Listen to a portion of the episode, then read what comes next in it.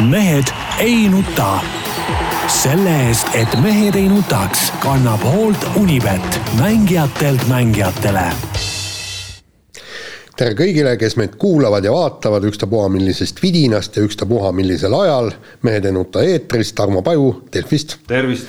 Peep Pahv Delfist ja Eesti Päevalehest. tervist. Jaan Martinson Delfist, Eesti Päevalehest ja igalt poolt mujalt. noh, mehed, on midagi südamel? Ma ei tea, kas südamel või hinges või peas, aga. kevad tuleb. jaa, noh, kevad on vahepeal ära läinud, aga minu minu äh, vaieldamatult kõige eredam äh, hetk, mis nädala jooksul olnud on, on ikkagi äh, kaasaelamine meie ekspeaministri vägitegudele Hiiumaal vist on tal suvekodu. seal käis see palgi, palgi tassimine või? küll, sind ikka erutasid madalad. ei, miks madalad, äge värk ju no.. ma kujutan ette, ma hirmsasti oleks tahtnud sellist nagu vaata nagu behind the scenes selline nagu kaadritagune värk, vaata filmidest ka tihti tehakse nagu, et kuidas see täpselt see protseduur nagu välja nägi, ma mõtlen just see pildistamise osa seal, et kas, kas nagu Jüri ise läks siis äh, abikaasa juurde, ütles kuule, ole hea, tee nüüd siis sätiti see palk seal, siis ta vaatas seal kaamerasse ka väga hästi, onju, siis läksid sinna värvi, värvimisseina juurde, siis kartulipõllule vaata ta väga kelmikalt vaatas kogu aeg ka nagu sinna ekraanile, et ma ka, ma ka eelmise nädala lõpus tegin päris palju nagu nii-öelda päris tööd, ütleme siis noh, mitte küll nii vägevaid palke ei tassinud, aga rohkem pintsli ja pahtlilabidaga, aga ei tulnud nagu seda mõtet, et, et peaks poseerima ja pildistama ja postitama ja. oota aga vaata, vaata, ma ütlesin, kui me siia tulime, ma ütlesin, Tarmo on sihuke igav, igav, igav vend, eks ja. ole, mingit särtsu tema päevades ei no, ole, tuleb ja teeb. oota nüüd, oota nüüd, nii ja siis loomulikult tal ei tule seda, seda mõtet kiirelt, et teeb, nohistab vaikselt oma tööd ära, nina värvina. oota, oota, oota ja seal on ka teine, teine probleem. Jüri Ratas vähemalt tunneb, et ta on töörahvaga ühtne yeah.. ja, ja nagu laupäev, laupäevakul Lenin tassis ka ju palki. kõik meie suured juhid, õpetajad on teid samamoodi just täpselt ja, ja, ja. ja, ja teine võttis veel palgi raskema otsa, jämedama otsa. just selle, mida sina võta sealt äh, peenemalt poolt. aga ma vaatan ka sinu, lõin su Facebooki lahti praegu sujuvalt jutu taustaks, mäletad paar nädalavahetust tagasi me omavahel vahetasime sõnumeid siin, äh, kus hõiskasid oma uuest äh, mootorsaest ja kõigest. saatsid sa pildi? ja saatsid küll, terve päeva möllasid seal, rääkisid pärast, kui äge see kõik oli. aga vaatan sinu Facebooki, tutkit tutkib pratt, eks ole, no aga ma sulle saatsin ju pildi saest. no aga avalikkusele ei jaganud, noh, milles asi, noh. aa, no vot. me ei oska seda asja ikkagi, noh. no äh, mul ei olnud nii suuri palke õla peale võtta, kui, kui Jüril oli, no mis teha tead, noh. ja see vald, see suur vald ei, ei andnud sulle luba veel selle suure, mis no, puud sa maha tahtsid võtta mändi seal. jaa, olgem ausad, ma seda luba ikkagi ei võta, ma oma aias ikkagi võtan ise, kui ma tahan, ise endale annan loa lõpuks. aga ma ei ole seda mändi maha võtnud ja, aga kõik muud saagimised ma ära teinud, mis mul oli vaja saagida. nii, naabrid, hoidke silma peal, naabrivalve, mingi omavoli hakkab seal vasalemast pihta. kuule, minu mets, ise tean, mis teen, naabrid, naabrid ei näegi sinna vot nii, ei oska, ei oska me seda asja jah, oleks mõne hääle saanud äkki sügiseks kavatse kandideerida? no ei kavatse, aga noh Pe. Pe Peetri küla mingiks volinikuks. no ei, ei kavatse, aga noh, noh äkki peaks. aga võiks, aga sulle see Brüsseli värk sobiks tegelikult. Brüsselisse ei saadeta kedagi veel. ei, ei, seda küll. no kuskilt tuleb alustada. kõigepealt külavolinik, eks ole, siis äh, külanõukogu esimees äh,, siis rahvasaadik ja siis lõpuks äh,. Moskvasse. ütleme, vanasti mindi Moskvasse, nüüd läks Brüsselisse. ja no minister võiks ka vahepeal olla veel. aga minister võiks ka olla jah, nojah saaks, ütleme su käest kaubelda välja mingeid asju. ja okei okay,, no seda ei juhtu, aga kui juba ministriameti peale jutt läks, siis ma ühe asja, mul kuidagi on palju asju hinge peal. Äh, tavaliselt Peep saab siin sissejuhatuseks äh, välja elada ennast rohkem. Äh, kui ma minister oleksin ja näiteks oleksin sotsiaalvaldkonna minister, siis ühe asja ma tahaks küll kohe korda ajada ja see on öelda sellele Ülar Lannole et kuule mees, lõpeta nüüd ära, on ju, see, millega mees tegeleb seal oma ekstöötajate laptop'ide äh, tagasinõudmine, laptop'i kottide tagasinõudmine, kakskümmend tuhat eurot on kulutatud äh, mingitele juurakuludele, selle asemel, et tegeleda koroonaviiruse vastu võitlemisega. aga see on kukesupp no see on absurd. ei, see on absurd. see on, see on idiootsuse tipp. nagu tegelevad äh, lollustega seal, ei ole midagi teha. ei, see on meie raha ka lisaks, mida nad raiskavad seal.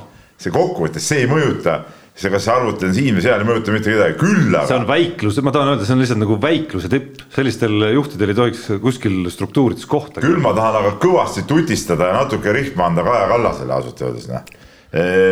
peaminister, laste huviharidusraha poole väiksemaks. halloo, täpselt. halloo, kuule, mis asja ja siis räägiti, et ei, et, et seal kohalikud omavalitsused peavad seal tagama. minu arust kunagi ammu võeti kohalikud omavalitsused neid rahasid nagunii üldse ära või, või vähemaks, ma täpselt ei mäleta, siis pandi natuke tagasi, nüüd võetakse jälle ära, kust see kohalik omavalitsuse raha võtab? kohalik omavalitsus neid tulusid nagunii on ju nii vähe, tead noh. et see on nagu, vot see on nagu täitsa lati alt läbi lennanud teemad ja Eesti ajakirjandus tegeleb igasuguse, igasuguse kuradi sitase sonkimisega, ma ütlen otse. aga vot sihukese olulise asjaga, mis tegelikult ei ole nagu olulised, eks ole, sellega songitakse. aga oluliste asjadega ja, ja laste huviharidus igal juhul on absoluutselt oluline. see on kõik trennid, ringid, kõik need asjad. vot, vot, vot see on asi mille valitsus sai tead niimoodi ära teha, et, et ma ei näinud sihukest nagu möllu, okei okay,, olid ja. mõned lood siin-seal, aga sihukest totaalset möllu ei olnud tegelikult. ja, ja vot see oleks nüüd koht, kus peaks minema siis sinna. see on koht, kus minna Toompeale, absoluutselt noh. Ja, ja, ja, ja, ma tahaks näha, kuidas nad hakkavad laiali ajama. ma mõtlen, kas Kaja Kallas, kas see nii rumal saab olla, no kuidas peaminister saab sihukest täielikku segast ajada, tead noh.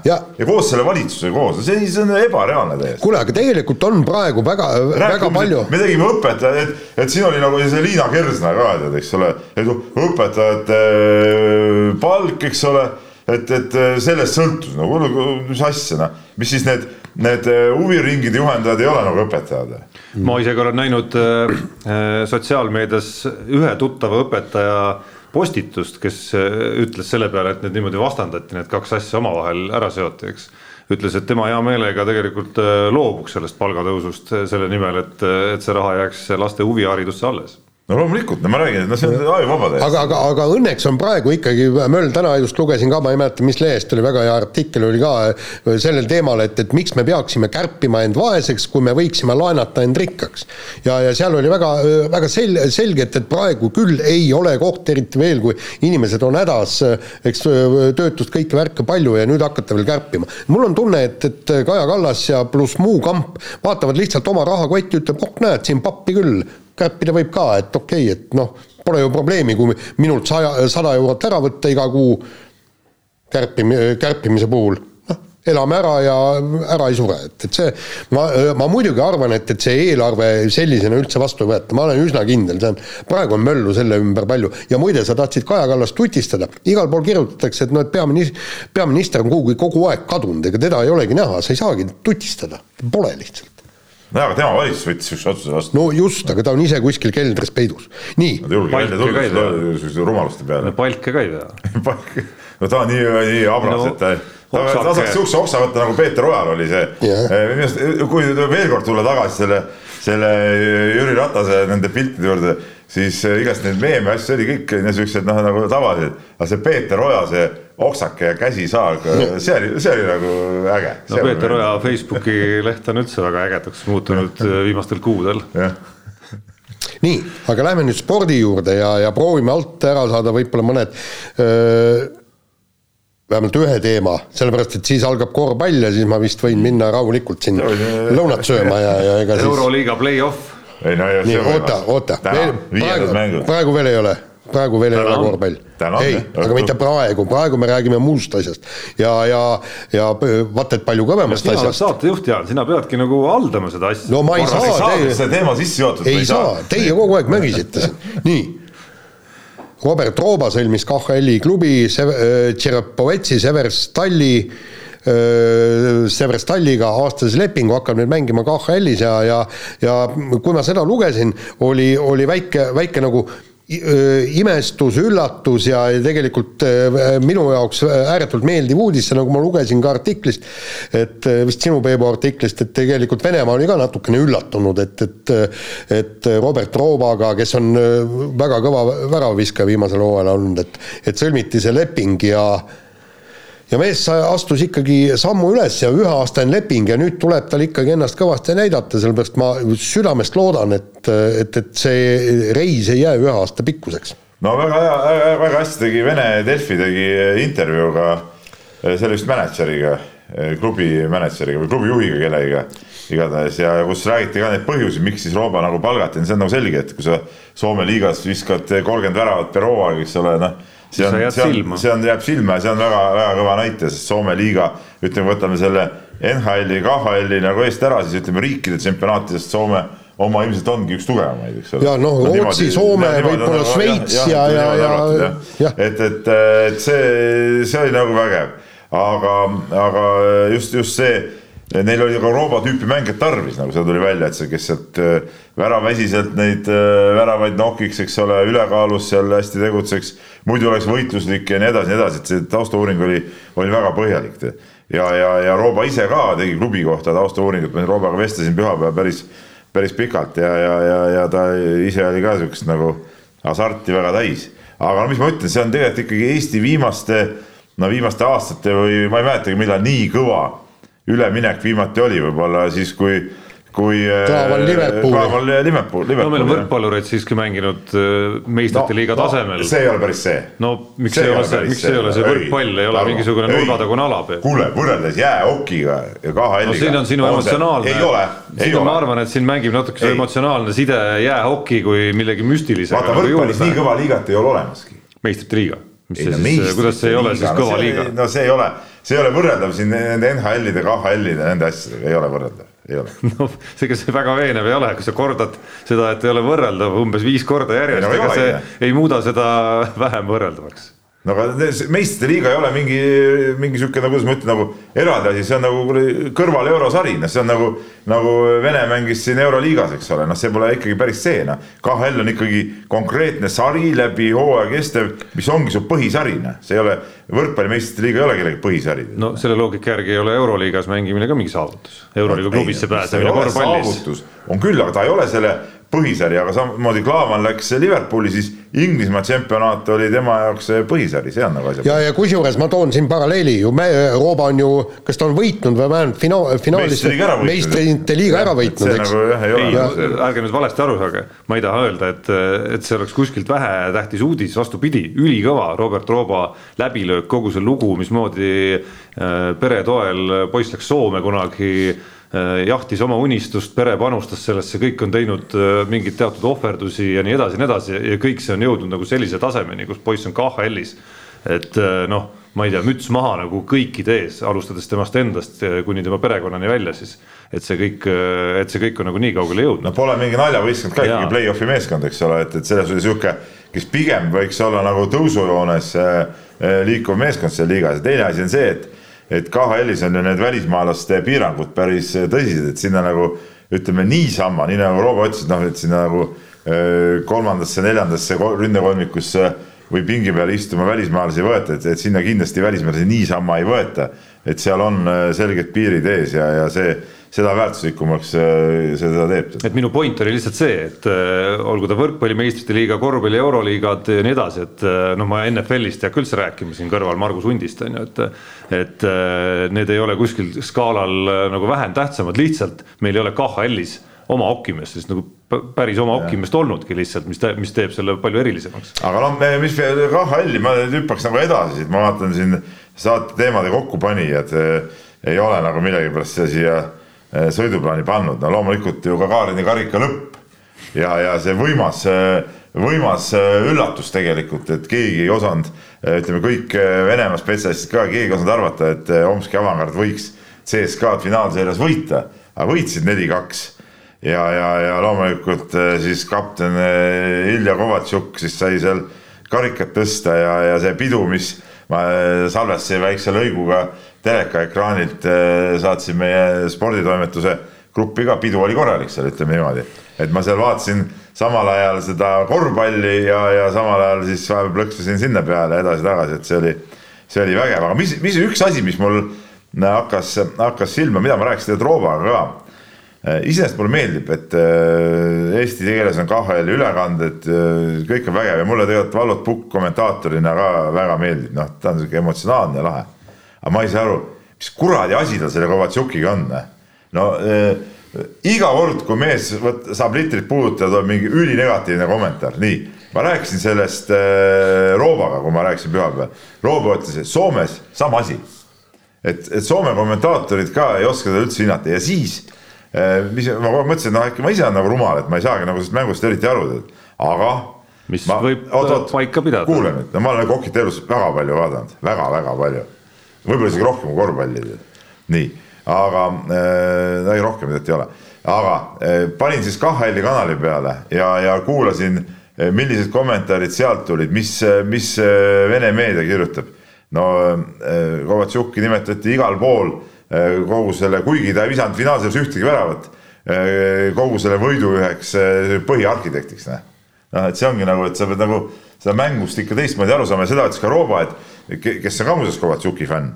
et, et, et noh, et mees nagu, nagu mängis ikkagi nagu väga hästi ja oskab tema väärtust nagu hinnata vot nii, aga see oli kõva elamus, oli see KHL-i finaalseeria muidugi. no aga seda, seda me, seda me näeme ju päris paljudel aladel, olemata nüüd, nüüd ma räägin natuke asjast, mida ma ise ei ole vaadanud, et KHL-i play-off'i ma vaadanud ei ole, on ju, aga seda, et äh, kiputakse alahindama mängijaid, kes kas siis ma ei tea, korvpallis äh, ei viska palju punkte, jäähokis ei viska palju väravaid või käsipallis ei viska palju väravaid. Äh, noh, see on ju suhteliselt tavaline nähtus tegelikult Rui Kovatsuk muidugi üldjuhul viskab no. palju väravaid, aga seal finaalseeriast väga palju ei visanud, aga tegi muud tööd ja kaptenina oli ta olnud ikka väga kõva. vot nii no jaa, aga noh, selge tõehetk tuleb nüüd ikkagi, et noh, nüüd, nüüd saame siis sinu need eksperdivõimed nagu proovile panna, et sina esiteks oled vaadanud väga palju KHL-i.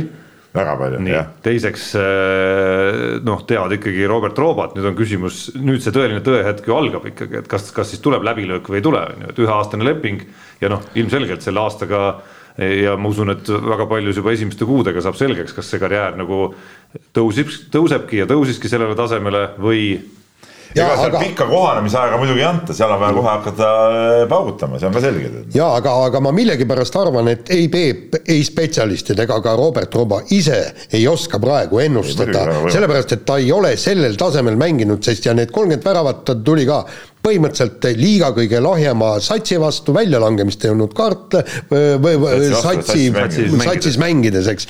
et seal nagu pinget nagu selles mõttes, et ei olnud, väljalangemistsooni ei ole ja, ja kõik, aga, aga siin, kui sa oled nüüd väljamaalane ja, ja KHL-is ja play-off'i klubis, no vot siis äh, sa pead ja ennast kõike näitama. Need nõudmised on hoopis teisel tasemel, see on nagu selge, selge. no nii, aga. algab korvpall algab korvpall ja alustame ikkagi sellest, et äh, eelmisel nädalal loositi Euroopa meistrivõistluste finaalturniiri alagruppide koosseisud järgmiseks sügiseks. Eesti on siis mängimas, nagu teada, Milanos oma alagrupi mänge. Itaalia oli ette juba teada ja ülejäänud vastased siis saavad olema Kreeka, Horvaatia, Ukraina ja Suurbritannia. no Jaan loomulikult intrigeerib siin kohe küsimusega, kas edasipääs on kindel.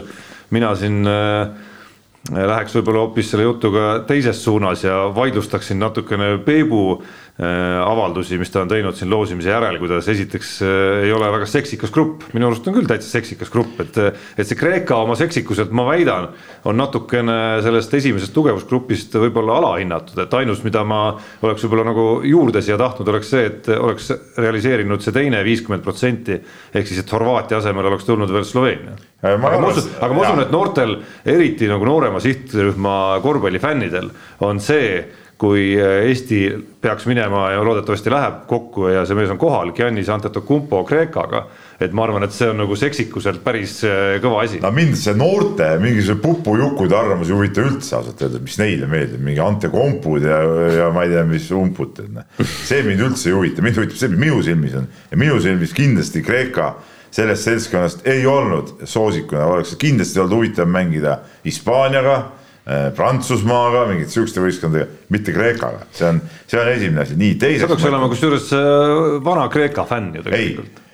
me oleme Kreekaga mänginud siin juba ju noh, millal me. Prantsusmaaga oleme ka mänginud no,. no vaata kui ammu, vaata kui ammu, Kreekaga mängisime alles mingis eelmises tsüklis minu arust, kui ma õieti mäletan. no see polnud mingi Kreeka. no see ei ole, see ei ole ju mingi Kreeka, no võrreldes selle Kreekaga, kellega me kohtume no., ei ole see mingi Kreeka. nii, see on nüüd üks asi, no okei okay,, no Kreeka Kreekaks, Kreeka on kõva igal juhul.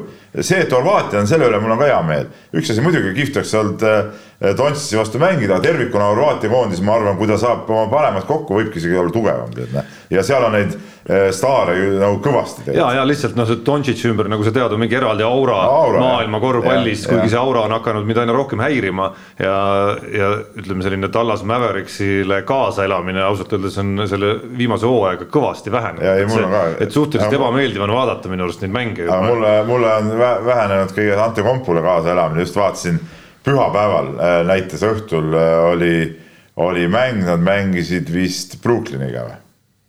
Võimalik. jah, sa ei vaadanud, see oli, see oli õhtusel ajal, no see oli nii, et kell oli mingi pool üks vist, kui ta lõppes, eks ole, ma just vaatasin alguses natuke algust, siis muidugi NBA mäng nagu alati. esimest paari minutit ma nägin. oli igav minu jaoks, siis ma vaatasin, mul oli vaatamata üks väga hea, soovitan kõigile ETV kahe pealt Salateenistus, Prantsuse seriaal vaatasin seal, mul oli paar seeriat järgi vaatamata, nüüd hakkas juba neljas hooaeg. Äh, vaatasin selle ära ja siis vaatasin lõpust viimased kolme minutit, noh. Noh, ei, see ei ole nagu midagi, ma see Ante Kompu ka jälle rahmis seal üksinda ka ja okei okay,, see selleks.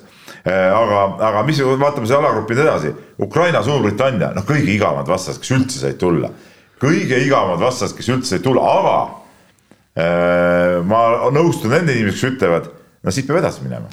Mis siis, ma saan aru, et Ukrainal on NBA mehed ja Suurbritannial on omad vennad olemas, kõigest saan aru, aga kui me üldse räägime, et kust üldse edasi saada, siis vot sellisest alagrupist peab edasi saama ja kui ei saada, siis on kõrbemine. ja aga Peep, vaata muide, teie vaatategi seda, eh, seda alagruppi ja kogu eh, seda kampa eh, nii-öelda spetsialistide ja oma huvi pilguga. mina näiteks, kes, kes nagu nii, nii palju seda korvpalli vaata, mina just vaatan selle pilguga, et, et kuidas meie saaksime sealt edasi, jumala eest. maailma kõige igavamad satsid võiksid seal olla, aga kui see tagab Eestile edasipääsu, jumala eest, las ta olla. noh Öelge, kas, kas meil on võimalik Horvaatiat, Kreekat, Itaaliat hammustada? kindel?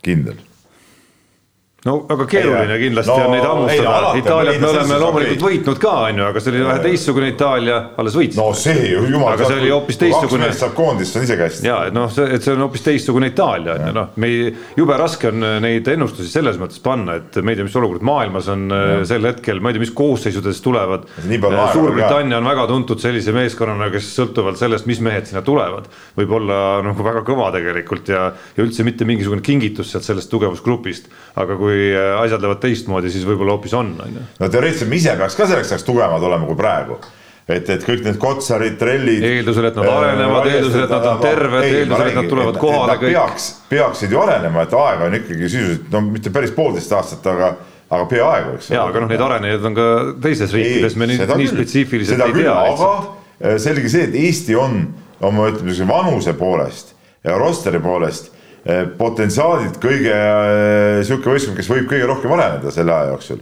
siis nende vanus on lihtsalt selline, selle põhikoosseisu vanus.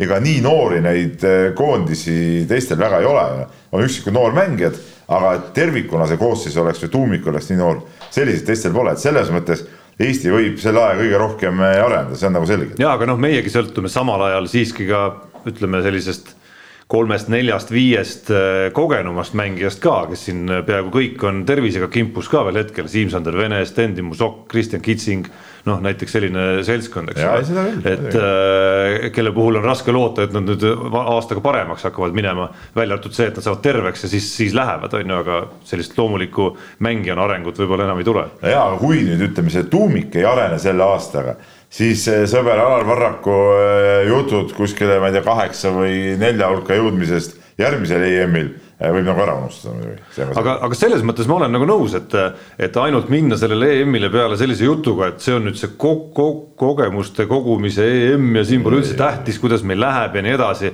ma arvan, et ükski mängija, kui sa, kui sa näed nende samade noorte uute tulijate nagu hoiakuid tegelikult, mida, kuidas nad räägivad enne mänge ja pärast mänge. ma arvan, et nad ei taha kuulda ka sihukesest jutust tegelikult, et kuulad kriisasid või trelle või Kullamäesid on ju. et ma arvan, et nad, nemad lähevad kindlasti sinna mitte ainult Ukrainat ja Suurbritanniat Hispaaniat võitma, vaid samamoodi Itaaliat, Kreekat ja Horvaatiat ka. nii on, nii, nii, aga vaatame Eesti play-off'i ka kõigepealt, siis lähme Euroliiga juurde veel korraks.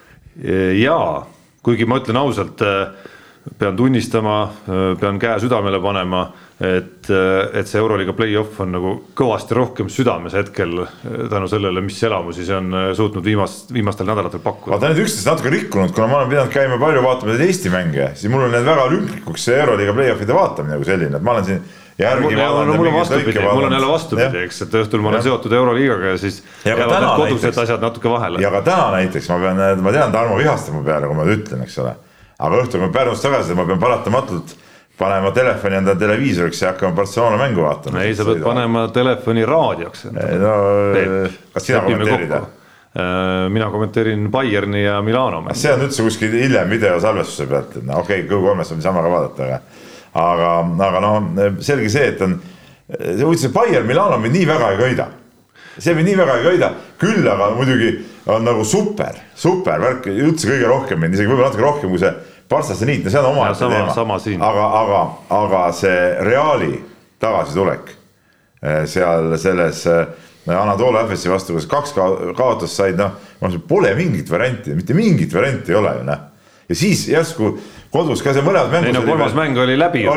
ma arvan, et ja, need FS-i mehed olid tegelikult mõttes juba kuskil koduvoodites Istanbulis. ei no juba, juba Final Fouris olid juba seal, jooksis poolfinaalis platsile juba mõtetest tead noh aga tehti ära tead noh. ja et see, ma pean ütlema, ma ei ole kunagi olnud ei jalgpallis ega korvpallis mingisugune eriline nagu Madridi Reali sellise ja. nagu austaja. ma ei noh, siis jälle nagu, kui Noor Tootsit seal üles tuli no,, siis ma nagu olin. aga noh, emotsionaalses mõttes ja, muidu, no, ei ole nagu olnud kunagi, aga, aga see on olnud seeria, mis on nagu pannud isegi Rudi Fernandest natukene nagu armastama. Rudi mulle meeldib, Rudi mulle meeldib väga. et, et sellised tagasitulekud nagu kaks mängu järjest ja ja, ja no mis see teine sümpaatne külg sealjuures ikkagi on, on, on mismoodi kõikidest nendest äh, probleemidest hoolimata, mis on sel hooajal olnud, Facundo Campazzo läks ära, on ju, nüüd on Tavares vigastatud, siis on seal äh, Randolfi vigastus, Tekk läks ära, noh, mingid sellised jadad on ju.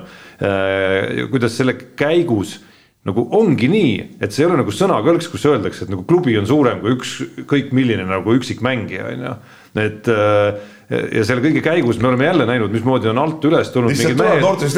Tavares on vigastatud ja, ja siis see Usman Garuba, kes muidugi ei ole mingi uus tuli ja kõik ja. teavad, et ta on suur tulevikutäht tuleb ja teeb äh, veerandfinaalsarja neljandas mängus kakskümmend neli punkti, kaksteist lauapalli, noh, sihuke rida, mida Euroopa korvpallis üldse näeb üliharva. kas ta ei olnud mitte kaks tuhat kaks sünniaasta või? ta on üheksateist praegu, sai üheksateist kevadel. kaks tuhat kaks sünniaasta. Aga mehed rääkige. no selline, selline asi, no et see süst-, sorry Jaan, et see süsteem seal taga, noh, kus siis Hendrik Veesaar on ka seal ja. sees, on ju, ja, ja saab no, näha, millised. see äh, Serbia nimega poiss, Vuševitš jah, jah no ka samamoodi noh, lihtsalt toodi, kõmm ja siis ta oli juba Euroliiga mängus algviisikus järsku tead. ja ei no enne seda ta tegi ja. Hispaania liiga El Classicus Barcelona vastu mängus, mida nad võitsid. see, see oli tema nagu väljatulekumäng põhimõtteliselt, kus ta mitte lihtsalt ei tulnud nagu väljakule, et mingid noore mingid kaks minutit ära seal seigelda kuskil on ju ja mitte midagi vussi keerata, vaid oligi nagu päris mängumees seal, tuli selleks, et meeskonda aidata et niimoodi käivad asjad nagu nendes, nendes äh, klubides. see on vinge jah. ja mis natuke, mis natuke, ma saan, ma ei saa seda torget tegemata jätta, et mul siin on, võib-olla peaks järgmises saates selle pikemalt ette võtma, selle Tartu teema ikkagi. et lugesin selle Tartu nii-öelda ühiste kavatsuste mingisuguse dokumendi läbi ja kutse ümarlauale. selle, mis me avaldasime täna. selle punktide kaupa, kümme punkti või palju seal oli, on ju, et mis kõik tuleb teha, mis kõik oli normaalne ja okei okay, jutt on ju, muidugi võiks arutada, aga noortest ei olnud seal sõnagi tegelikult sellest klubi, klubi nagu selle tegevuse osast ei olnud ühtegi sõna. Nende sellest tegevusest ei olegi kunagi sõnastust olnud, ütleme, ütleme selle, selle poole poolt jälle vähe või vähe on olnud, ütleme niimoodi. aga no ma ise olen erapooletu natuke nüüd nagu või ei ole erapooletu, nii on vist õige öelda. just selle Bayerni ja Milano seeria osas, kuna ma olen kõiki neid mänge kommenteerinud ka, et minu arust see viimane noh, see oli nagu müstika, et selliseid asju sellistel hetkedel üldse saab, saab nagu teha, et ma ei tea, kas sa nägid seda lõpu kiirrünnaku lahendust miinus ühe pealt lahendatakse siis kiirrünnakut olukorras, kus su hooaeg on nagu nii-öelda nagu joone peal. Lahendatakse kiirrünnakut siis alley-up pealtpanekuga. Ja see ei olnud kaks-null minek, vaid see oli kaks-ühe vastu minek siiski, ehk siis koos veaga lahendati niimoodi seda asja ära, et noh, tõesti nagu, nagu Andrea Trinkieri ütles, et sa, sa oled nagu täitsa napakas, et sa sihukese lahenduse üldse nagu ette võtad või äh, te olete nii erilised mängijad lihtsalt, et ja, äh, ja. iga kevad tundub, et see Euroliiga play-off on nüüd jälle ägedam kui kunagi varem aga noh, seekord tundub tõesti, et see ongi nii. aga me ei ole veel Barcelonast niist midagi rääkinud, eks ole, see on muidugi, see on muidugi omaette tase ja, ja jube palju on seda kriitikat olnud, et kes siis on süüdi seal, kes on siis süüdi, et Barcelona on äh,, ei ole võitnud seda niimoodi ja kaks-kaks viigis on ja, ja peavad täna otsustavat mängu mängima. kas on Jassikevitš siis kehva treenerina või? no temal kui vastutajal tuleb päris kõvasti süüd enda peale võtta igaühes on ju. aga ma ei saa aru, no aga, aga eh, ta võib ju sealt pükstest välja hüpata, aga kui see Mirotits on nii kehva järsku tead noh kus tema tasemel mees nii kehva järsku saab olla tead. jah, ja samamoodi, ja samamoodi. ta ei saa ise tulla neid palle, Mirotits ju eh, lahe, okei okay,, oleks see, et ta lihtsalt on nagu ma ei tea, et ei mängi või jonnib aga ta saab ju lahendusi, hakkab seda tegema ja ei suuda ära panna ju noh, ei suuda ära panna no.. et äh, ühest küljest on hea kritiseerida seal, et näed, klubi tegi lolli asja, Paugas oli tõi sisse, rikkus seal ära mingi enesekindluse, aga see nagu pisendab Mirotitši enda rolli, et nagu see ongi tore stunt järelikult. sa tulid nagu staariks Euroopasse meeskonna tiitlini vedama, sind ei peaks üldse huvitama, mis seal nagu sinu selja taga toimub seal meeskonnas. loomulikult. sina teed oma asjad ikka. ega siis, ega siis keegi ei mõelnud, et Paul Sõõr võtab Mirotitši koha ära siis näe milles küsimus on üldse, ma ei saa aru. jah, et pigem tekib see küsimus, et kas sa oled play-off'i mees praegu või ei ole. praegu vaatad, et ei ole noh, ja teine asi on see muidugi Galates, okei okay,, seal on, teda on kaetud. see võib aga... muutuda muidugi kohe, võib-olla teeb viiendas mängus. muidugi, mõlemad võivad teha supermängud, aga ütleme nendes mängudes, teda on kaetud ka muidugi väga hästi, aga Galates on ka ju alla igasugust arvestust, ütleme tema, tema arve, taset arvestades noh, et see on, see on nagu huvitav jah jah, tõsi, ta on mängija tüüp noh, kellel on väga selged puudused ka, on ju. ehk siis nagu noh, play-off'is, kus nende puuduste ja ühele vastasele nagu ja nendesse peensustesse minek tõuseb hoopis teisele tasemele, on ju. et võimalik, et seal ongi natukene nagu tulevadki need nagu rohkem välja, on ju. no jaa, aga ütleme puudused puuduseks no,. Vis, viskamine. jaa, okei okay,, aga palju tal on pallikaotusi, seda rünnakute juhtimist, see ei ole tal praegu sellisel tasemel ju noh. ja pallikaotusi on palju olnud ja, ja kõik need asjad, teine asi on veel see, eks ole et ma ei saa aru, Barcelona, kõva kaitsemeeskond on ju. kuidas saada Kevin Pangost kinni, noh. Kevin Pangost teeb, mis tahab ju tegelikult ju noh. ma ütlen, kõige kõvem, kõige kõvem äh, mängujuht praegu Euroliigas, noh. midagi pole ütelda, noh.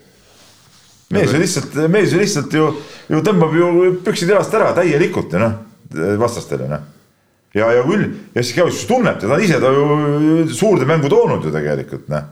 Nulli pealt ja tõi ta Salgrises üles omal ajal ju ja, ja no ei saa ta kinni tead noh. et selles suhtes on vinge ja noh, ütleme, seniit on igal juhul võitnud, isegi kui nad kaotavad selle, on nad igal juhul võitnud ja, ja, ja ja, ja, ja ma, ma ei ole aru saanud, just segane seis nende selle Euroliiga kohaga ka, aga, aga väga totter oleks, kui nad ei saa Euroliigat järgmine ja aasta. noh, kindel moodus oleks neil VTB liiga no, kinni panna, on ju, aga ma usun, et nad on teinud päris suure avalduse oma, oma praeguse play-off'i mänguga ka selleks, et äh, vajadusel saada see wildcard. nojah, siin on see küsimus nüüd, et kas Venemaalt võetakse nelja võistkonda, näiteks kui peaks juhtuma selline asi, eks ole, et teadupärast on ju, äh, sai ju, Unix sai juba läbi selle Eurokapi CSKA-l on nagunii koht, kui CSKA tuleb meistriks, siis on koht ju järgmisel võistkonnal on ju. ja, kui tuleb Lokomotiiv meistriks. tuleb Lokomotiiv siis... näiteks või tuleb Lokomotiiv äh, hõbeda, siis on Lokomotiiviga koht olemas ju ja siis, siis on juba küsimus, kas neljandat võetakse enne. nii, no nii, nii, siin on, siin on väga, väga. Eesti asjast ei jõudnudki nüüd rääkida. nii, aga. no Tarva eest tuleb, ei, esiteks, no Rakvere Tarva eest tuleks ikkagi müts maha võtta, esiteks no mina võtaks no. küll, isegi kui see Kalev on olnud selline, nagu ta on olnud, see Kalev Cramo seal isegi selles koosseisus. siis see, et nad selle ühe mängu kuidagi lisaajale vedasid, mina võtaks nagu mütsi maha ikkagi. minu arust on nad nagu näidanud, et pronksi seerias saab nendega nagu raske olema ikkagi. Äh, tead, miks nendega saab pronksi seerias raske olema või? sellepärast, et nad mängisid kogu poolfinaali jõudu säästes ja, ja tegid kõik selleks, et mitte seda seeriat pikemaks ajada jah, võib-olla nad, nad vist ei tahtnudki kolme mänguni peetavat seeriat. kolme võiduni. tahtsid ka. jah, et seda kõike arvestades. tegelikult, tegelikult aga... tahtis Tarvas üldse Final Fouri. et oleks üks, üks, üks ja kõik kuule, siis oleks see Kalev ära võitnud. ja, aga no seda arvestades isegi, aga noh, see mäng on olnud selline, et ega seda ma pean ütlema, väga ei ole kannatanud vaadata siiski, et äh, selline nagu noh, ma ei tea, mis režiimi peal see Kalev Cramo isegi seda koosseisu arvestades on mänginud, et see, sellest seeriast, sellest seeriast õhkubki minu arust natukene sellist nagu, et noh, mängime siis ära need mängud. aga seda ma, sellega ma nõus ei ole, tase ei ole muidugi suurem asi, aga et vaadata ei kannata, sellega ma nõus ei ole. küll aga näiteks Robert Stelmachers küll nõuab oma meestelt kõvasti ja kui seesama see Tones, see, see käkerdab kogu aeg seal platsi peal, no see saab niimoodi puid alla seal, et, et, et paha hakkab, nagu öeldakse. no eks ta tuleb finaaliks kuidagi, on teda võib-olla natuke nagu mängumehena vaja, et siis Stelmachers saab seda kasutada praegu seda aega, et et teda kuidagi nagu putitada siis finaaliks vähemalt nagu selleks, et, et temast oleks abi. et selles mõttes, et Pärnu ja Rapla duell on nagu huvitav, kuigi seal on, ütleme ka Pärnu on ikka kontrollinud seda mängu, siis seal on nagu seda, seda pinget on nagu muidugi rohkem seest, et noh no Rapla minu arust lasi nagu oma suure võimaluse sellega käest ära, et ta ei suutnud nagu kohe seeria algul Pärnut nagu pinge alla panna et äh, Pärnu esi e,. Nagu kuigi esimene mäng oli selline, et seal aga viimaste minutitega tegi Pärnu asjad ära. et nagu Pärnu võiks nagu murduda, kui ta jääb kaotusseisu, eks ole, ja hakkavad kuhjuma seal mingisugused äh, aga asjad no,. probleem selles, Raplal on osad mehed on liiga ebastabiilsed, noh, ütleme, võtame sama Simon Sutt no,, esimene mäng, esimene mäng neli kolmest, eks ole, tassis ilusti, teine mäng null. noh, see miinus, see on täitsa pildilt maas, mõned mängud on, aga kui sa seitsme mehega mängid, su kaks on juba mängust väljas, noh, ega need nüüd okei okay,, treener, peatreener ütles küll, et need äh, põhiviisik on nagu vapralt võidelnud, aga ega seal ei ole väga hästi kõigil välja tulnud. erinevalt näiteks Pärnust, kus ikka kaheksa meest on rotatsioonis mõnusalt sees ja, ja hoopis, hoopis teine terav nii, nii, ei, ei, mitte ei haiguta, ei väga, väga põnev jutt, mul oli üks ainukene küsimus, kuidas saab olla niimoodi, et kõik need kolm Euroliiga otsustavat mängu, pluss veel, pluss veel meistrite jalgpalliliiga üks poolfinaal, kõik on põhimõtteliselt täna ja millest kolm on ühel ajal, kaks kossumängu ja see on ikka väga piinlik apsakas, ma ütleks, et et noh, Euroliiga on üldjoontes nagu korraldajana näidanud ennast noh, ajalooliselt natuke tublimast küljest kui Fiba on ju aga mida aeg edasi, seda vähem ma olen veendunud, et see vahe nagu püsima on jäänud ka, et noh, juba eos olid need mängud planeeritud sinna ühele kuupäevale. ma ei tea, kas ei oodatud siis, et kõik, et nii palju mänge läheb viiendale mängule või mis iganes loogika seal nagu mõeldi, on ju. nüüd vist eh, viimases hädas üritati, üritati muuta, natukene seal jah. muuta, tõsi, mitte ainult sellepärast, et need on ühel ajal, vaid sellepärast, et Barcelona vist ei saanud Venemaalt tagasi eh, korralikult kohe mingit, mingi lennukite jama oli seal on ju. et see mängis ka seal rolli, aga, aga seda teha ei õnnestunud ja noh, nüüd ongi sihuke olukord. Nii, nii aga äh, oli vägev äh, käsipallinädal ka veel, mis jäi muidugi muude, muude pallimängude varju, kuigi Eesti käsipallikoondisel oli ju suur šanss jõuda EM-finaalturniirile. tulid otsustavaks mänguks isegi ju Mait Patral ja Tener Jaanimaa koondisse tagasi, aga no saadi Austria käest ikkagi korralik koslep siin kodus ja noh, viimane mäng Saksamaaga noh, kus oli ka veel mingi õhk, mingi imepiinlik teoreetiline variant no oli. ei, noh, teoreetiline. jaa, aga seal muidugi mänguks äh, sisuliselt ei läinud, kuigi ETV ja vaatasin pühapäeva spordisaadet pärast äh,. ma tulin Rakverest, kirjutasin seal lood ära, sõitsin koju, oli sport juba läbi. vaatasin seda siis järelvaatamise pealt spordiuudiseid, kakskümmend minutit, mis see pühapäevane saade on. sealt jäi küll nagu alguses selline mulje, nagu oleks, et mängiti nagu hästi ja, ja, ja võitluslikult ja kõik asjad, aga aga skoor oli miinus viisteist, mis käsipallis, see nagu, no see on nagu matsipakk tead, korvpallis nagu miinus kolmkümmend umbes. Peep, Peep, aga sina oled ka seda käsipalli rohkem vaadanud ja mina ikkagi absoluutselt sellest aru ei saa, et, et kõik need Patrel ja,, Jaanimaa ja kõik need suured staarid, kes meil on, et kes peaks seda meeskonda tassima ja kelle pealt need võidud peaksidki üldse tulema. ja jällegi ei saanud hakkama, ma ei tea, ma ei, ma ei oska öelda, kas, kas, kas tõesti oli küsimus selles, et nad ei olnud siin kokku mänginud meeskonnaga või mis, aga, aga nende koondised ikka kokku mänginud? minu arust on ikkagi oluline aru saada, minu arust on elatud siin natukene võltsis teadmises, et nad ei ole ju, keda sa nimetasid, nad ei ole ju nagu tassijad tegelikult, et kui sa vaatad, mis rolli nad on aastaid mänginud juba väga tugevates klubides, siis nad ja. ei ole seal ju tassijad. Nad olid tassijad siin Eestis. ja, et ja, nad ei, et väga, kust, kust peaks tulema see, et nad nüüd muunduvad siin äkitselt nagu tassijad. no seda küll, aga nende mängupositsioon on muidugi siin selline, et noh, nemad peavad tegema sealt tagant neid väravaid. aga noh, see ei nagu ole, aga see on see, miks see ei ole nii lihtne. ei muidugi, samas ütleme, no see ootus, et nad tassiks tuleb sellest, nad mängivad mõlemad ju väga kõrgel tasemel, klubi käsipalli on juba aastaid, aastaid, aastaid, väga pikki aastaid seda mänginud niimoodi. aga millegipärast on niimoodi olnud jah, et, et Jaanimäe võib-olla see puudus vähem, aga Mait Patrolil millegipärast need koondise mängud ei ole, ei ole niimoodi õnnestunud, ei ole no, üldse kohe õnnestunud, et, et mingisugune probleem seal on, et kas ta, kas ta ise nagu kuidagi mõtleb üle midagi või, või igatahes või, või, või on ta harjunud lihtsalt mängima nagu nii palju kõvemate meestega koos, et ütleme kui tal kõrval nii häid mehi ei ole, siis tal endal ka mäng just, välja ei tule.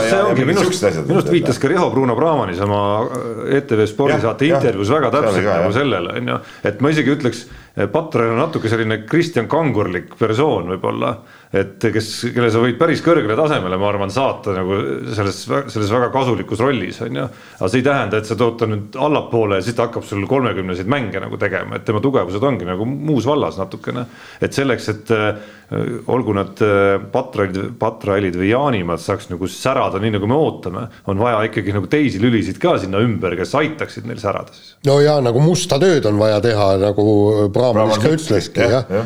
ja., et nii, aga, aga aega on nii palju läinud, laseme nüüd no, tahaks muidugi, oi, kõlli veel ei lase, selles mõttes tahaks muidugi nagu väikese me rääkisime saate algul nagu ägedast lepingust on ju Robert Rooba puhul, et Karl Toom Saksamaa liigasse, et ma arvan, siia teema lõpetuseks, et meil jäi sellest tsüklist, noh, ma ei tea nüüd, kas see oli nagu tsükli teene, koondise teene, noh, Toom mängis ju Rootsis ka ikkagi kogu aeg terve hooaja, korraliku hooaja on ju, et. ja Rootsi põhi, ei ole mitte käsile mõttes mingi. eks see põhi, põhitöö ja arenguhüpe toimus ju tegelikult seal on ju, aga noh, vähemalt meil jäi sellest tsüklist nagu näppude vahele midagi, et tõesti nagu sellist lammutamist pole ammu näinud kellegi nagu individuaalse vedamise mõttes aga, nagu Karl Toom siin vahepealsetes mängudes. aga kui ma nüüd ei eksi, kas see Toomi klubi ei ole mitte Saksamaal praegu väljalangemisohus? Äh, kas seal ei olnud mingisugune või jääb püsima sinna ta oli ka tagumise otsa klubi praegu täiesti. jaa, ei, aga vahe, seal vahet ei ole, isegi esiliiga on ju väga kõva. ei, ta, ta ei ole see, aga see annab sulle võimaluse, kui mängija, äh, mängijale võima-, võimaluse ennast tõestada. Saksa esiliigas on meil neid mehi mänginud äh, on, on jah, nii, aga nüüd laseme kõlli. nii, ja kütame nüüd äh, kiire vahemänguga edasi ja äh, Eesti neljapäevad tõi äh, neljateistaastase vaheaja järel meile MK etapivõidu. noh, ütleme statistikas äh, noh väga hea linnukene, aga, aga tähtis on see, et, et mehe, meestel on minekut. ja, ja, ja ma olen, ma olen siin rääkinud, tähendab noh, üsnagi natukene võib-olla sõudmisväliseid jutte, küll aga sõudmisasjatundjatega. ja, ja, ja kõik jutt on tulnud selle neljapaadi juurde ja, ja see olümpiakoht ei ole mitte, mitte just vormistamise küsimus, aga kui nad ei pääseks olümpiale nüüd sel nädalavahetusel. või, või järgmisel nädalavahetusel, siis see oleks ikkagi ääretu pettumus, sellepärast et väidetavalt, väidetavalt nad oleksid valmis võitlema ka medalite nimel olümpial. no seda, kui valmis nad olümpial medalite nimel võitlema, seda me muidugi ei tea, et ütleme noh, EM-ilt see pronks saadi siin mõni nädal tagasi nüüd see MK-etapi võit, aga MK-etapil neid, kellele eelmine kaotati, need ei osalenud, eks ole no,. ärme, ärme seda ära unusta. just, just. et, et seepärast ma ütlengi, et see, see MK-etapi võit ju sisuliselt ei andnud meile nagu midagi, küll ta andis nagu meestele võib-olla emotsionaalselt boost'i natuke lihtsalt minekuks sinna äh, valik, äh, valikregatile, eks ole. et, et äh, aga noh, mis see tegelik seis on, see nelja paatiga see konkurents on nagu ta on, et ega see väga, väga tihe see sõel ju kokkuvõttes ei ole noh, ütleme, et äh, reaalseid pretendente on siiski rohkem kui kaks, kes olümpiapileti saavad, et noh, me räägime siin mingi neljast-viiest võib-olla ikkagi nagu realistlikult on ju. et äh, üks asi on jah, see kindlus ja teine asi on lihtsalt see selge märk, et äh, jah, on liikuma saadud, aga lõpuks on üks sõit. Üks konkreetne sooritus, mis, mis peab õnnestuma siiski on ju, ja see ei ole nagu päris mingisugune noh, ma ei tea kas, no mul, mul ei olegi head sihukest kindla peale näidet tuua, mis asi sul nagu kindla peale väga suure kõikumisega nagu, mis alal ei õnnestu, et noh, neljasaja meetri jooksus võib-olla nagu no ikka seal on kõikumised, nii et, et noh, et seal lihtsalt tuleb vesi ka veel mängu ja nelja mehe koostöö ja kõik need nüansid et.... korra rütm läheb sassi ja ongi läbi no,. aga küll, aga siin on üks teine küsimus veel. see, et üldse see olümpiapääse nüüd kevade peale jäi, on selles mõttes väga halb, et praegu on kogu ette valmis forsseeritud ju selleks võistluseks et sisuliselt mehed on viidud praegu tippvormi, no see on nagu ilmselge, eks ole.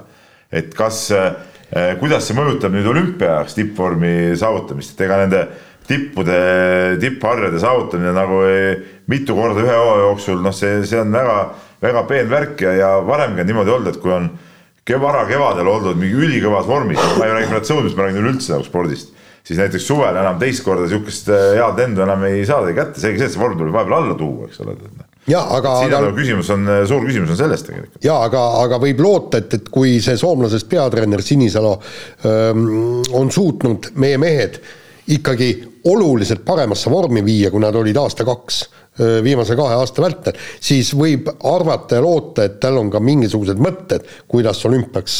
kindlasti tal on mõtted, aga noh, see kõik on, teeb selle asja veel pingelisemaks. no saame enne olümpiale ja siis hakkame vormi timmimisest Just edasi rääkima, vahetame teemat, läheme rallimanu. Sebastian Ogier jätkab, aga jätkab poole kohaga Toyotas. no kuidas tundub? no, no minule Vett segab sellega kõvasti, ma arvan. jaa, aga vaata minul, ma, ma ütlen, et, et kui ma Jari-Mati Latvalaga ehk Toyota bossiga rääkisin, mul tekkis kohe esimene küsimus on see, et ähm, selle järgi siis kahaneks nagu see nii-öelda MM-pretendentide äh, ring neljale mehele, juhul kui M-sport ei võta kas Tänakut või Elfin Evansit või, või Thierry Neville'i endale.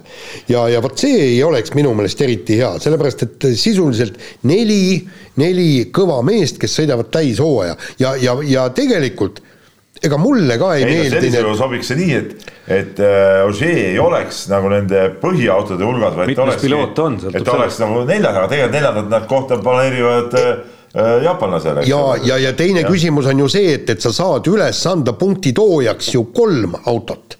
sa saad anda kolm autot ja selge see, et, et, et ei, Ogier okay, peab seal. punktiks, aga see ei sega sul individuaalpunkte muidugi korjata. just, aga, aga noh, teine asi jällegi on see, et, et, et kuna töökohti on vähe, siis keegi, kas Esa-Pekka Lappi või, või siis noh, keegi saab vähemalt poole kohaga töö endale eks ta ikka mingi veidrus on, ma ta on veidrus.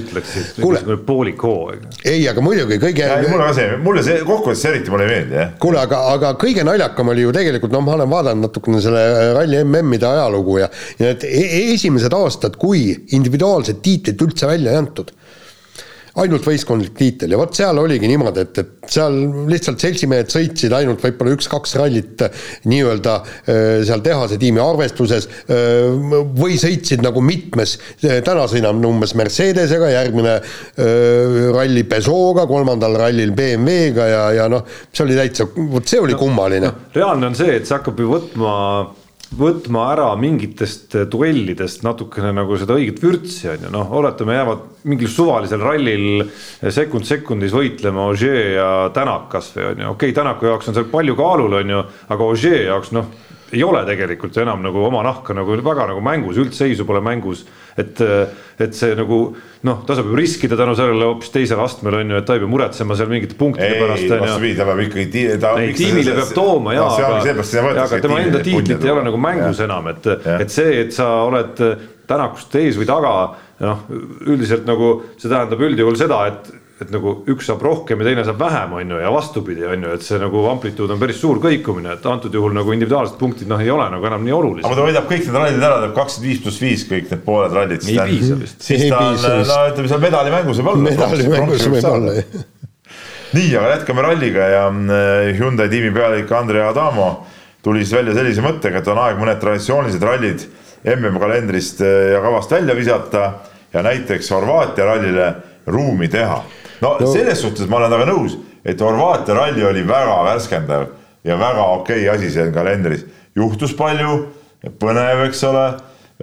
Noh, korralduse poolt Jaan Sea teab paremini, see, et see publik keelust hoolimata raeras oli, oli ka väga hea, oli ka väga hea, sest sihukestele keeldudele tulebki ütleme teha niimoodi, et kui nägin... võistlus on, siis peab saama õues, kuule, come on, mis te võis vaadata. ma nägin ka vahepeal seda, mida Jaan rääkis eelmises saates, seda ralli korraldaja postitust. ja see jah, aga miks ka mitte, noh. selles suhtes ma ütlen õige värk no,. absurd ikkagi, noh. kas te olete kokku leppinud, millest ei, no, ei ole? vaata, et Rally Estonia korraldajad on sellised, nendel on kõik sihuke akuraatne, tead sihuke, nad on siuksed, vaata, Tarmo Pajulikud siuksed, tead juuksed kammitud ilusti no,. ma võin üle öelda, Peep, esiteks triiksärk on sul ka endal seljas ja rohkem kui mul isegi ja teiseks ei ole kammi kasutanud umbes, ma pakun kolmkümmend äh, või kakskümmend viis aastat. no sõrmekamm ikka. nii, no okei okay., no üldse, see on sellised akuraatne vennad ja nendelt sellist vimkat ei ole mitte kunagi oodata. Nad on igavad vennad natuke selles suhtes. aga vot Horvaatia mehed, need on siuksed laadad vennad, need teevad, aa mingi keel, aa mis asja, tulge ikka kohale, tead noh. et me keelame, aga tulge kohale mm.. ma väga pooldan siukest asja. Aga... see on siuke särtsakas elu, tead noh. no sinu need pooldamised, ma võin ka öelda, Peep, need käivad täpselt nii nagu tuul tuleb, et ühel hetkel on igast koroonareeglist kinnipidamine nagu noh, põhimõtteliselt paneme vangi, kui ei pea, on ju, ja siis teisel õige, hetkel kiidad heaks. ja siis teisel hetkel äh, puhub tuul natukene teisest suunast ja siis kiidad heaks no ikkagi päris, päris ei, nagu raju sakerdamist. tähendab, et kui on ikkagi äh, keeruline olukord, siis tuleb kinni pidada on ju, siis on vaja, oleme kodus, oleme kodus, nii aga praegult ei olnud enam keerulist olukorda. sa tead, mis olukord seal Horvaatias on? ütles ju seal ju maski kanti niimoodi, et suu peale, ninad olid no, lahti kõigil no,. järelikult ei olnudki olukord keeruline no,. Horvaatia numbrid ei ole ka väga suured minu arust olnud praegu. ma neid numbreid jälgin iga päev ikkagi enam-vähem. Horvaatia numbrid ka või? mul on see telefonis sihuke koht, ma vaatan põhimõtteliselt kogu maailm edetab veel läbi iga päev, tead, õhtul mm muide, aga tegelikult vot sellega ma olen küll nõus, et mõned rallid võiks sealt välja visata, näiteks üks, üks kohe minu kandidaat on äh, Korsika ralli, kus ma olen äh, käinud. Ja see, see on äh, noh, ta tähendab ääretult totter, tähendab ühesõnaga nad peavad sõitma kõikides saare, seal on nagu põhimõtteliselt kolm nurka, eks, et parem kaldal, vasak kaldal ja seal all. nii, käsutatakse kõik need rallimehed neljapäeval sinna avatseremooniale, mingit koroonat ei olnud viimati, kui ma seal Korsikal käisin avatseremoonial tuli täpselt sada inimest. lõputseremoonial, vennad on juba kõik sõitnud punkti katsed, nüüd ootame, kuni on lõputseremoonia, seal mingid pasunad, tuled, viled ja tuli jällegi mingi viiskümmend pealtvaatajat. ja, ja, ja, ja need kilometraaž, mis need rallimehed sõidavad, kusjuures legendi kirjutamiseks nad peavad elama eraldi hotellides e, eri saarel. aga mina no, käin ka Korsika-rallil ja, ja ka siis ei olnud sellist asja. no vot. minu arust toona ei olnud sellist asja.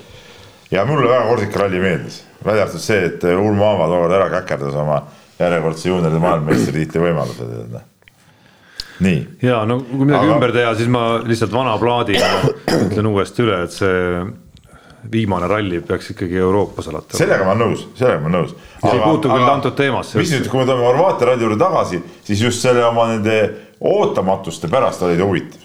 tingimused olid väga lahedad nii, aga võtame järgmise teema ja räägime jällegi korvpallist ja Heino Envenist. korvpall tore ala. jah, kellele nagu teistelegi Nõukogude Liidu äh, korvpalluritele pakkusid kreeklased enne äh, kaheksakümne seitsmenda aasta EM-i finaalmängu äh, Kreeka vastu, pakuti altkäemaksu ja Enden ütles kümme tuhat dollarit pakuti ja loomulikult nemad vastu ei võtnud keegi, kuigi noh, Enden oleks võinud võtta, ta ju platsil mõni minut viibis ja no, statistikat kus, ei teinud. kust, kust ta teab, et keegi ei võtnud?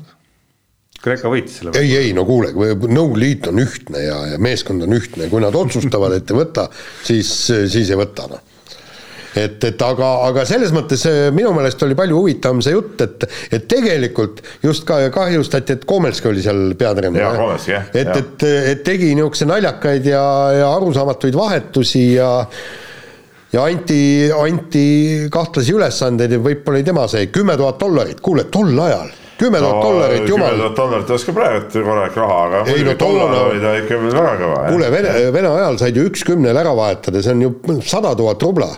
ja sul maja maksis umbes viisteist tuhat. sa mõtle, milline paps oli. jah, ei no seda küll, aga noh, ma mäletan muuseas seda finaali. seda kandis televiisorist üle ja ma mäletan, kuidas Nikos Kallis pani hirmsa kontserdi, ma ei mäleta, palju punkte viskas, aga. pealt neljakümne vist. jah, jah, ta tassis ära ja ma mäletan minu arust, kas see oli nüüd, äh, ma äh, harisin noori ka natuke meie selles grupis, kas see oli normaalne lõpus ise lõpus, kas Valters pani seal midagi mööda, Valters pani, tegi Venemaa poole pealt äh, liidukoondise pealt kõva mängu, tead noh aga seda muuseas, et Endel seal tookord ka võistles, ma ei mäletanud näiteks. Pabenko oli võistkonnas tookord, ma mäletan. jah, see oli huvitav. aga seda, seda ei mäletanud jah, et aga, aga, aga ma seda mängu 40. ennast, seda mängu ennast mäletan nagu jah. Ma mäletan, kuidas seal pärast mängu veel äh, olidki see Valters ja, ja, ja Kallis seal kuidagi embasid või kuidagi, mul on jäänud see mingi mälupilti nagu televiisorist. Noh. aga kiire vahemängu lõpetuseks äh, Andrus Veerpalu dopingukaristust lühendati ja ta pääseb juba veebruaris võistlema ja treenima, no see lühendamine vist oli nagu vale sõna isegi, et no, esialgu lihtsalt natuke see vormistus jättis soovida. ehk siis seda esialgset keeldu ei, ei olnud nii-öelda nagu maha arvatud, nii nagu no, nii nagu äh, kohtus süüdi mõistet või vangi mõistetutele see nii-öelda eeluurimisvanglas olnud aeg, see võetakse karistust maha pärast. jaa, aga, aga seal oligi ta ju selles nii-öelda äh, eelkaristuse ajal ju tegelikult, äh, tegelikult tegi seal ju ka igasugust tšekkust seal, käis kuskil jooksmas ja äh, lapsi raja ääres aitamas, mida tegelikult teha ei tohtinud, aga aga minu küsimus on see ja norralased püstitasid õige küsimuse, Veerpalu sai kaks aastat karistust, on ju, selle, et kuigi ta oli osa ühest ajaloo kõige suuremast dopinguskandaalist suusatamises, tootmises. ja, ja seal oli ju terve dopingutööstus ja kõik nii ja kaks aastat ja siis äh, Therese Johaug oma öö, paganama huulemäärdaga saab üks koma kaheksa aastat, no et, et, et selles mõttes. tead, et oli huulemäär? ei no ega ma ei tea, aga no kui tähendab. oleks olnud huulemäär okay, tõestatult, siis ta oleks. see ei olnud, see ei olnud organiseeritud kuritegevus, temal ei olnud organiseeritud kuritegevus, seda ei olnud kuskilt väldud. tähendab minu arust see on ka täielik lati alt läbiminek, ütleme, on see selline väike karistus eriti arvestades Andrus Veerpalu tausta. tegelikult ju, ju võtame see kaks tuhat üksteist lugu, seal ju toona ka ju Kass ju, ju nägi ju ära, et äh, asi on jama, aga okei okay,, seal nad ei saanud teda nagu süüdi mõista. oleks tulnud võtta arvesse seda kõike, see näitab ära, et see süsteemne tegevus on toimunud ju, ju aastaid, aastaid, aastaid, aastaid ja mina oleks täie rauaga pannud, eluaegne noh, midagi pole teha. noh, või vähemalt kaheksa aastat. olete te kindlad, et, et, et see nagu reeglite järgi üldse oleks olnud võimalik, mina, mina dopingureegleid nii hästi ei tunne. muide, mina olen WADA reeglit siin palju lugenud, seal on igal juhul kirjas, et just nendele treeneritele ja juhendajatele, kes nagu ähm, aitavad sportlasel dopingut tarvitada, nemad peaksid saama rangema karistuse kui sportlased, sportlased said neli aastat ja nüüd siis need äh, nii-öelda treenerite kamp Äh, Veerpalu vähemalt pääseb kahe aastaga, noh. see on nagu ajuvaba jah ja. ja nüüd ta läheb, võtab, hakkab uusi treenima ja, ja jälle hakkab äh, sama, asub samale teele, noh. see on no, täitsa võimalik ju. päris suur nii-öelda peeglisse vaatamise hetk kõikidel lapsevanematel või, või sportlastel, kes, kes selle otsuse teevad ikkagi endale treenerit valides ja gruppi valides sinnapoole kiigata. jah, tulge trenni, meil on verekotid juba külma pandud. see buss, mis oli seal äh, aastavahetuse sketšisaates, mäletad, see buss seisab seal, äh, seisab seal Tehvandi, Tehvandi parkimisplatsil. nii, aga laseme nüüd kõlli Unibetis saab tasuta vaadata aastas enam kui viiekümne tuhande mängu otseülekannet. seda isegi mobiilis ja tahvelarvutis. Unibet, mängijatelt mängijatele. nii, Tarmo, juhata Unibeti rubriik sisse. no juhatan sisse. noh. miks no. nii magusad naeratused? Ei, minul ei ole naeratada midagi, mina olen miinuses ainult selles mõttes, et isegi kui te ei panustanud midagi, siis teil on ja väga hea nädal olnud. aga Peep panustas, ma saan aru. noh. mõistagi võidukalt. mõistagi, ikkagi. vaata see..., mina teen oma käigud ikkagi ainult nagu, ainult nagu võidukäike. ehk siis eh, KHL-i kuues mäng. ei nii. seal, no kui ma oleks pannud see Kovatšuki ära peale, siis ma poleks ei no võisid ka panna õige satsi võidu seal ma ei pannud sellepärast, ma kartsin ära rikkuda ma olen siuke ebausklik inimene, ma ei tea põhimõtteliselt pannud, aga ma läksin lihtsalt teed, vormel üks. mind sa küll, väga huvitav, mind küll kritiseerid, aga okei okay,, see selleks. ei, aga ma ei pannud, vormel üks. sa ei pannud ka vastu, ütleme. ma ei pannud ka vastu jah ja,. vormel üks äh, Hamilton lihtsalt äh, vaatasin, et tõuseb kindlasti võitjaks, noh, lihtne panus. ma panin ka vormel üks ja mina kaotasin, sest ma panin Verstappeni peale. Verstappeni peale, püha müristus. ei, ma tahtsin sõitu enda jaoks põnevaks ja. teha, sest kui ma oleks pannud Hamiltoni peale, siis ma oleksin pidanud ju lootma, et tema võidab, aga, aga noh, ta ei ole nii sümpaatne. ei, ta ei ole, peale kogu seda trianglit, mis ta teinud on, mulle ka pole sümpaatne, aga ma nägin seda lihtsalt nagu kergelt ütleme. hõlptulu. hõlptulu nagu jah, hõlptulu. nii, no siis on ilmselt Peep tõusnud meie ennustusvõistluse liidriks ja, sest mina olen langenud kolmesaja kahekümne viie peale. ja mul on kakssada nelikümmend. ja seal, seal oli, oota ma panin mingi Euroliiga rivi, no korraliku rivi ikkagi ja siis seesama, siis seesama Anatoolu Efes ja Real Madrid. rikkus ära tuli. kuusteist null spurt mängu lõpetuseks see ajas selle asja kohe alustuseks, ajas selle asja kohe alustuseks. see näitabki, et asjatundmatuna ei ole mõtet rivisid panna jaa, täpselt nii, Peep, just nimelt, Unibeti eripanus jäi ka korvpalli juurde. lihtsalt, lihtsalt natukene intriigi kodusesse, kodusesse play-off'i ja Eesti liiga poolfinaalseeriatesse või poolfinaalseeriasse lisamiseks siis ühesõnaga, kes usub veel Raplasse, saab minna Rapla peale kolmanda mängu võidule panna panust ja Unibeti mehed ei nuta eripanusena. oh, vahepeal hingame sisse, äh, on võimalik seda teha koefitsiendiga kolm koma seitsekümmend viis. nii väike koef, kui oleks kaheksa koma seitsekümmend viis, siis ma paneks, siis ma soovitaks panna, kolm koma seitsekümmend viis, natuke vähe, ütleme riskid on seal suuremad, see on, see ei ole, see ei ole äh, õige panus. ei tea, üks neljale võiks ju Rapla suuta, võiks ju Rapla suuta nagu kolmest mängust, kolmestki mängust ühe võita tegelikult, aga no me ei näe seda praktikas. võiks küll, aga ma ütlen, see on liiga väike, liiga väike koefitsient. ei no selles mõttes ei ole, kui me eeldame, et Rapla kolmest mängust ühe võiks võita Pärnu vastu. vaata, sina arvestad teistmoodi asju, mina arvestan lihtsalt niimoodi, et kui mäng algab, eh, kas võidab või ei võida, noh. kolm on liiga väike, minu jaoks see on sihuke, sihuke tõenäosus on eh, ütleme sihuke kui tõenäosus on kakskümmend viis protsenti nii-öelda, eks ole, et ta võidab, siis peaks koefitsient olema see kuskil seitse-kaheksa. neli ju õiglane koefitsient. miks mis see kihlveokontori eksistentsi mõte ei, no, on ei, sinna kaheksa panna? ma ei ole kunagi sellest aru, sa muidugi mõelnud selle peale, tead, aga minu arust panused on alati, need koefitsiendid liiga väiksed alati. jah, selge see, selle, sellesse selles see kogu üritus seisnebki. no ma saan aru, et sa tahaks rahvast äh, paljaks röövida. ei, mitte paljaks röövida, aga, aga kui see kaheksa oleks, noh siis ilmselgelt seda äri ei eksisteeriks. jah, aga paha lugu noh. aga mina paneks siis, kui oleks kaheksa.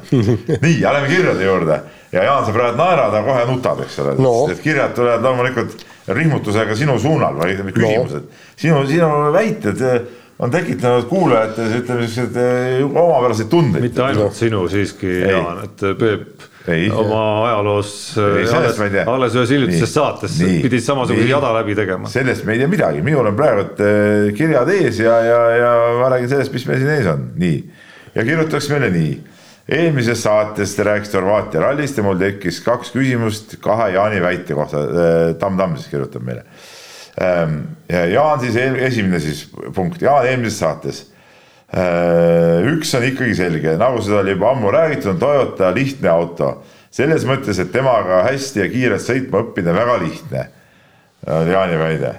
Äh, ja nüüd siis kirjutab siis, et ma ei mäleta sellist juttu Tänaku äh, Toyota ajast, kui küsiti, kas Tänak võidab tänu Toyota headusele, siis öeldi, et kui asi oleks autos, siis vaadake, kus on sama autoga sõitvad tiimikaaslased. küsimus, kas Ožeer on Toyota nii heaks arendanud et sellega hästi ja kiirelt sõitma õppida on väga lihtne, sest Tänaku ajal pidi selleks olema maailmameister, et sellega kiiresti sõita. tema tiimikaaslased ei suutnud seda, nüüd suudab sellega aga kiiresti sõita ükskõik kes. Ott Tänak ise on selle Toyota ju heaks ja kiireks kõikidele. ei suutnud ju sellega kiiresti sõita. no aga eks tuleb no. vaadata, kes siis tiimikaaslased olid. just, ja, ja teine asi on ju, vaadake seda, Ogier eelmine aasta istus Toyotasse, tuli hoobilt kõmm maailmameistriks ja, ja kui, kui me praegu võrdleme Toyota, Toyota nii-öelda mugavust ja, ja kui kiirelt äh, sa suudad Toyotat om, omandada ja Hyundai'd, noh, see on ka, kaks, kaks täiesti maailma. Ja ärme vaata Ožeed, vaatame, kellega ju eelmine aasta Toyotas äh, võitles Ožee maailmameistritiitli pärast. Elfin Evansiga, kes istus samuti Toyotas. Et, et, et põhimõtteliselt see näitab, et, et, et tegelikult said vennad hämmastavalt kiirelt selle auto kätte said hämmastavalt kiirelt. äkki ise pidid kead olema, ma arvan no Elfin Evansist. Ožee puhul rääkida sellest, et ta võidab tänu sellele, et ta on hea auto, muidugi nagu ilmselgelt. Eh, aga ma just räägin, rõhutan, Evans tegi ju eelmine aasta ikka täielikult ülla, üllatuva hooaja. no tol, no tol aastal, kui Tänak tuli maailmameistriks, tema tiimikaaslased olid Miik ja Latvala, eks et äh, kes justkui ei ole kehvad mehed, aga noh, tegelikult sel hooajal olid ikkagi uskumatult kehvad, mis puudutab oma eksimusi ja kõike seda no. poolt, eks ole, kiiruse mõttes ega nad ei olnudki kehvad. no Miik, Miik on kõige kiirem vend kogu selle põlla no,. Latvala ka oli, nii, aga nüüd Latvalast tulebki teine küsimus ja siin muidugi jälle mina olen muidugi nagu positiivses valguses, Jaan on sellises nagu negatiivses valguses, nii nagu peabki asjad olema, nii. Äh, teine küsimus siis, äh, Jaan kiitis Latvalat eelmises saates tiimijuhina kui Ratvale määrati tiimijuhiks, siis Peep kiitis seda otsust detsembris, aga Jaanile see ei meeldinud, siin on välja toodud meie vestlus detsembrikuus, siis Peep. väga vägev värk, absoluutselt õige valik, Jaan, kindlasti mitte, Peep. minu silmis on Latval üks kõige suuremate teadmistega mees, ta tunneb kõiki rallisid peensusteni, ta tunneb kogu rallisüsteemi peensusteni. Jaan, ta saab hakkama, kui ta laseb igal alajuhil oma tööd teha ja ei sekku, nii, Jaan siis nüüd eelmises saates järgmise päeva hommikul Hyundai's võeti ainsana kombinatsioon pehmetest ja kõvadest rehvidest. Latvala ütles välja tiimijuhina, et tema sai aru, et kõvad rehvid on ainuke võimalus. Adamool paraku seda rallisõitja kogemust ei ole ja siit nüüd küsimus. detsembris arvas Jaan, et Latval on ebakindel, ei suuda otsustada, kas Jaan on oma arvamust Latvalast muutnud. ei, muide, rehvi valiku tegi Latvala ju oma sõitja kogemuste põhjal, ehk siis ta tegi mitte kui tiimijuht, vaid, vaid kui sõitja. sellepärast, et ei, ei stopp stopp, see ei ole. sellepärast ma ju rääkisingi, et ta tunneb seda asja Nii, läbi ja lõhki, Jaan, kas sa saad kõik, aru sellest? jaa, kõik on õige, aga nüüd vaatame üks ralli tagasi. Tiimijuhina tegi ta otsuse, kuhu minna testima ja ta valis testirajad hoopis erinevad nendest, kus sõideti tegelikult Arktika rallit ja ta tunnistas, et ta tegi vea. no jaa, see oli ta... uus ralli, seda ta ei tunnegi läbi rõhki, aga kuidas ta ei tea, kui tema enda Toyota vennad on sõitnud täpselt nendel samadel Arktika ralliteedel. Äh, äh, praegu ei oska öelda, igal juhul kui ta vaatab asju sõitja, sõitja pilgu läbi, ehk siis teeb rehvi valikuid, temal on ju kogemused olemas. ta ei tohiks äh, sekkuda üldse. ei no seda Nii. testi küsimust oleks ta ka sõitja pilguga vaadates oleks ju võinud paremini lahendada. jaa, aga tii-, järelikult tiimijuhina ta ei suutnud küsida sõitjate käest, millised Äh, teed on Arktika rallil. no alati on ja, siiski, alati on siiski ka see variant. ta on tiimijuhina eksinud sõitjana õnnestunud. alati on siiski see võimalus ka ja seda ma soovitan teile mõlemale, et ega see, et äh, no ütleme, iga üksik eksimus ei tähenda, et nüüd peab äh, tegema otsuse, et, et ta on kehv tiimijuht on ju, et äh, eksivad mängijad, eksivad sõitjad, eksivad, äh, eksivad tiimijuhid, eksivad treenerid ja iga eksimus ei tähenda, eksid sina öö, äh, oma ei, töös, eksin mina oma töös. Ja see iga eksimus ei tähenda, et me oleme sellepärast kehvad no.. aga mina ei eksi kunagi, sa tead seda. no jään ka siin eriarvamusele. nii, mõni asi võib vahest natuke minna kiiva, aga see ei ole eksimus. Nii, aga no Latval on igal juhul nagu. vaatame, vaatame, vaatame, vaatame, ei tea. nii. Äh, Peetrile väike informatiivne vastus, Peeter kirjutab, et lugesin uudist, Robert Roba sidub KHL-i, tore. kas on teada, kas Inspira hakkab kandma üle Tšerepovetsi Severstali mänge, nagu ta tegi seda Jyvaskyla meeskonnaga, lugupidamisega Peeter. no Peeter, poiss, äh, peaks ju teadma, et KHL-i mänge kannab üle äh, teine firma, see Go3 või, või Kolm Sport. et seda peaks iga spordihuviline teadma, nii üks endine tippjooksja, ma ei tea, ma, ma nägin küll Meelist ära, kes see on, aga ta kirjutas alla parimate endine tippjooksja, ma siis nime ei ütle, võib-olla ta ei taha ütelda, noh, las ta olla siis nii. Äh, toob välja meie uudise, kus siis on juttu sellest, et Uudsel põlemusalas õigitati Eesti meistrid, kus äh, jutt käis siis sellest discgolfi jooks. jooksust, eks ole. Äh, ja, ja kiri on siis selline, et kuna osaledes ainult enda sõpruskond, siis kas Eesti meistrivõistluste medalid on tänasel päeval devalveerunud, medali hind on ikkagi väga odavaks läinud, kui jooksus olid veel traditsioonilised alad, siis pidi medali nimel ikka väga palju tööd tegema, aga nüüd registreerid uue alaliidu võistlusele, paned nimeks Eesti meistrivõistlused ja jagad medalid välja. noh, vaata Jaan on ka sihuke mees, kes alati võidab ju nendel aladel, mis on mingid uued alad või, või kus, mida, mida keegi peale tema pole kunagi harrastanudki, tead noh.